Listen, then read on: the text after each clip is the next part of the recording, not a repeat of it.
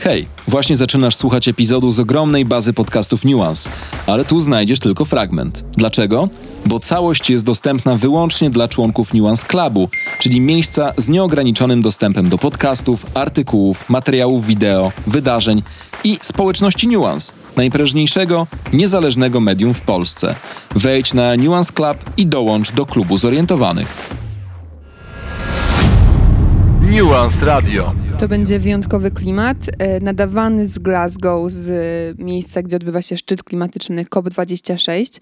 Szczyt klimatyczny, który jest tematem przewijającym się w naszej audycji, bo jest najważniejszym eventem, najważniejszą imprezą, na której spotykają się e, głowy państw, które umawiają się co roku, e, z wyjątkiem tego roku pandemicznego, roku 2020, na jakieś kolejne deklaracje, kolejne decyzje dotyczące tego, w jaki sposób działać na rzecz bezpiecznej przyszłości. Tych deklaracji pada sporo. Padła deklaracja o zatrzymaniu deforestacji do 2030 roku oraz padła taka deklaracja, która dla mnie e, osobiście jest e, bardzo, bardzo ważna i w ogóle myślę, że dla osób w Polsce powinna być ważną deklaracją, ponieważ polski rząd pierwszy raz oficjalnie przyznał, że era węgla się kończy. A e, goście i goście klimatu to najpierw Marta Palińska, która opowie o tym, jak e, zmieniło się jej postrzeganie COP26 od naszej ostatniej rozmowy e, na moment przed wyjazdem. To również Gosia Lach, aktywistka klimatyczna związana z Młodzieżowym Strajkiem Klimatycznym, która jest tutaj razem z alternatywną delegacją na szczyt klimatyczny. Oraz Dominika Lasota, współautorka petycji pod którą podpisała się także Greta Thunberg, a wy również mieliście już okazję pewnie ją podpisać. Nuance Radio. Jestem teraz z Martą Palińską, z którą rozmawiałam też e, dwa tygodnie temu, e, na moment przed naszym wspólnym wyjazdem do Glasgow. E, no właśnie, dzień dobry.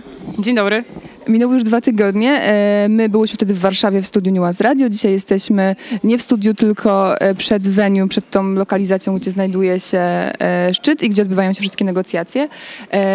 I minęło dopiero pięć dni szczytu, ale ja zastanawiam się, czy te deklaracje, które już padły, bo jakieś już padły, czy są wystarczające i czy napawają Ciebie nadzieją, że szczyt COP26 będzie jednak inny niż te poprzednie.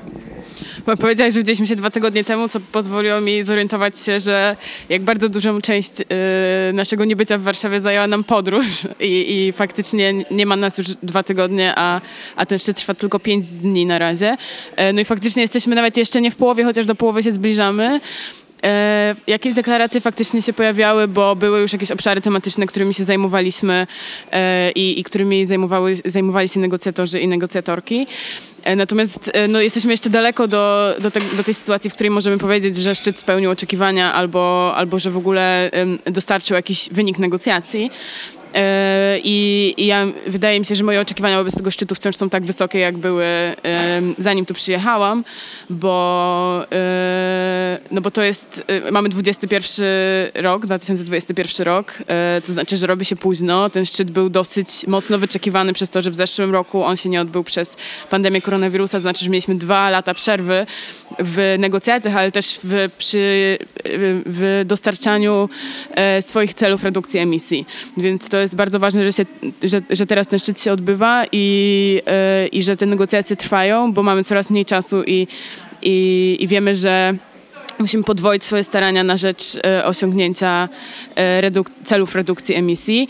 E, I w przeddzień szczytu klimatycznego pojawiły się takie analizy, które mówiły o tym, że, e, że no właśnie, że, że musimy podwoić te wysiłki, bo jesteśmy w sytuacji, w której nauka mówi, że żeby mieć szansę na bezpieczną przyszłość, musimy zrobić wszystko, żeby zatrzymać ten wzrost średniej globalnej temperatury powietrza na poziomie 1,5 stopnia Celsjusza, e, co znaczy, że do 2030 roku musimy wykonać bardzo dużo z tych redukcji emisji.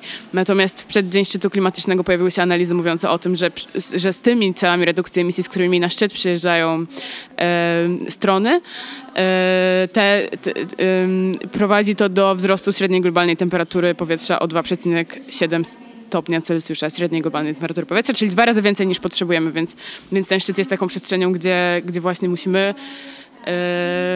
podwoić swoje ambicje e, i, i, i, faktycznie e, podjąć decyzje, które pozwolą nam na myślenie o bezpiecznej przyszłości. Deklaracja, która mi osobiście wydawała się jakaś taka najbardziej e, wstrząsająca i najpierw poczułam jakąś taką dużą euforię z nią związaną, to była ta deklaracja e, między innymi Polski o odejściu od węgla. No właśnie, i czy jest tak, że e, w wyniku tej deklaracji, o której właśnie mówię, e, Polska faktycznie odchodzi od węgla w dacie, o którą postulują naukowcy i aktywiści, czy jednak to nie jest tak e, wszystko proste, jak mogłoby się wydawać?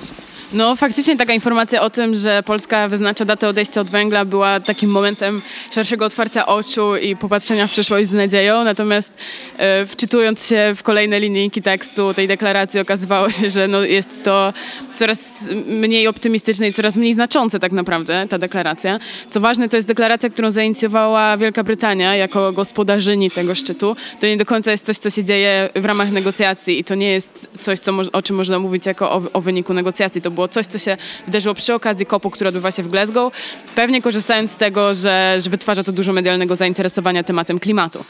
E, I, i właśnie, no tam em, około 190 podmiotów e, e, taką deklarację mówiącą o tym, że, em, że faktycznie odejście od węgla jest potrzebne e, i, i, i, podano tam jakieś daty. I powiedziano tam, że e, major economies, czyli duże, rozwinięte gospodarki powinny odejść od węgla e, w latach 30. e, albo jak szybko to możliwe po tym czasie, a kraje rozwijające się w latach 40. albo jak najszybciej po tym czasie. No i y, to y, rodzi jakieś pytanie o to, w jakim miejscu jest Polska. No i wydaje mi się, że wielu osobom się wydawało, że jest jasne, w jakim miejscu jest Polska, bo y, Polska jest położona na globalnej północy, jest częścią Unii Europejskiej, jesteśmy jednym z najbogatszych regionów świata w globalnej skali. Y, I E, więc jesteśmy krajem, e, jesteśmy częścią OECD, jesteśmy e, rozwiniętą gospodarką, więc powinniśmy odejść od węgla w latach 30. Natomiast okazuje się, że że, że Ministerstwo Klimatu postanowiło e, wcale jakoś nagle się nie przyznawać do tego, e, że jesteśmy rozwiniętą gospodarką, wbrew temu, e, że premier Mateusz Morawiecki e, co chwilę ogłasza, jakim to niesamowitym cudem jest, e, jak bardzo duży mamy wzrost gospodarczy. E, No i powiedziano, że odejdziemy od tego węgla do, w latach, że, że nas, nas dotyczy ten przedział, który dotyczy krajów rozwijających się.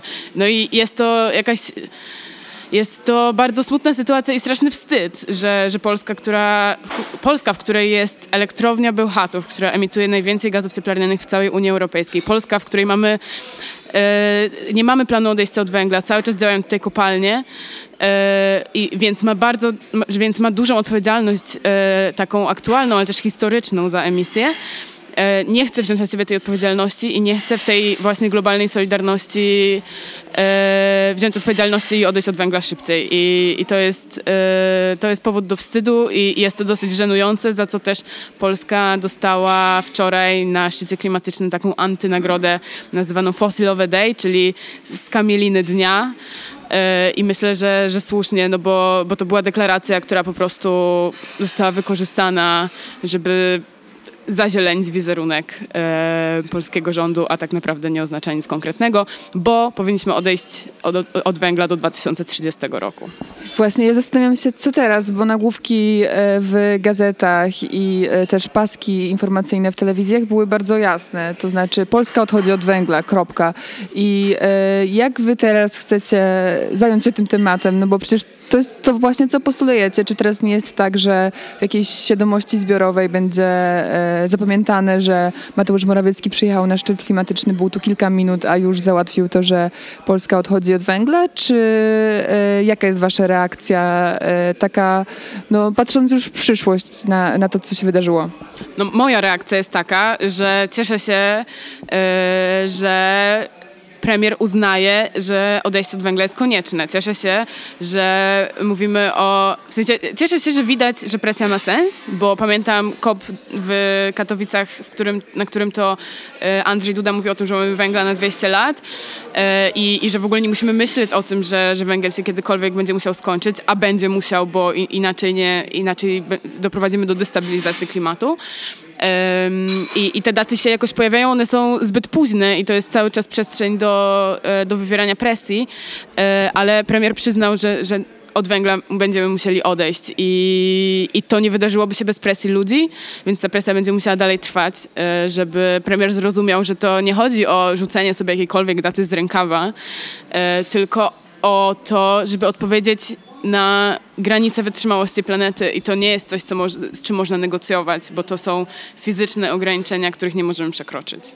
Właśnie powiedziałaś też, że ta deklaracja nie jest częścią oficjalnych negocjacji klimatycznych tutaj na szczycie, że to nie jest punkt programu i że to jest coś, co wydarzyło się przy okazji. A jakie są te punkty, które e, są już w programie i o których będzie można mówić, czy były sukcesem, czy właśnie nie były sukcesem e, COP26 w Glasgow? No, y, w negocjacjach nie negocjuje się dat odejścia y, od węgla w poszczególnych krajach, natomiast zajmuje się tym, jak doprowadzić do tego, żeby redukować emisję gazów cieplarnianych, więc jak, jakąś ważną częścią jest to, żeby prowadzić te negocjacje w taki sposób, żeby ustalić, jak państwa mają zwiększyć swoje ambicje i jak mają doprowadzić do osiągnięcia tego celu 1,5 stopnia Celsjusza. Em, jakąś częścią negocjacji jest też rozmowa o tym, jak kraje powinny się adaptować do skutków kryzysu klimatycznego. E, szczególnie te kraje, które już teraz doświadczają największych zniszczeń e, i największych zagrożeń związanych ze skutkami kryzysu klimatycznego. I częścią negocjacji jest też rozmowa o finansach i o tym, i o tym że, że żeby te zmiany przeprowadzić, potrzebne są środki finansowe i że tę odpowiedzialność za e, za, za wkład tych środków finansowych powinny wziąć państwa, które historycznie mają większą odpowiedzialność i historycznie emitowały więcej gazów cieplarnianych. Dzięki za wysłuchanie bezpłatnej części tego podcastu. Jeśli masz ochotę na więcej, dołącz do Nuance Clubu, klubu zorientowanych i spędzaj mniej czasu na słuchaniu takich komunikatów, a więcej na słuchaniu pełnych treści. Sprawdź, co dla Ciebie przygotowaliśmy i rób razem z nami niezależne, rzetelne i pasjonujące media.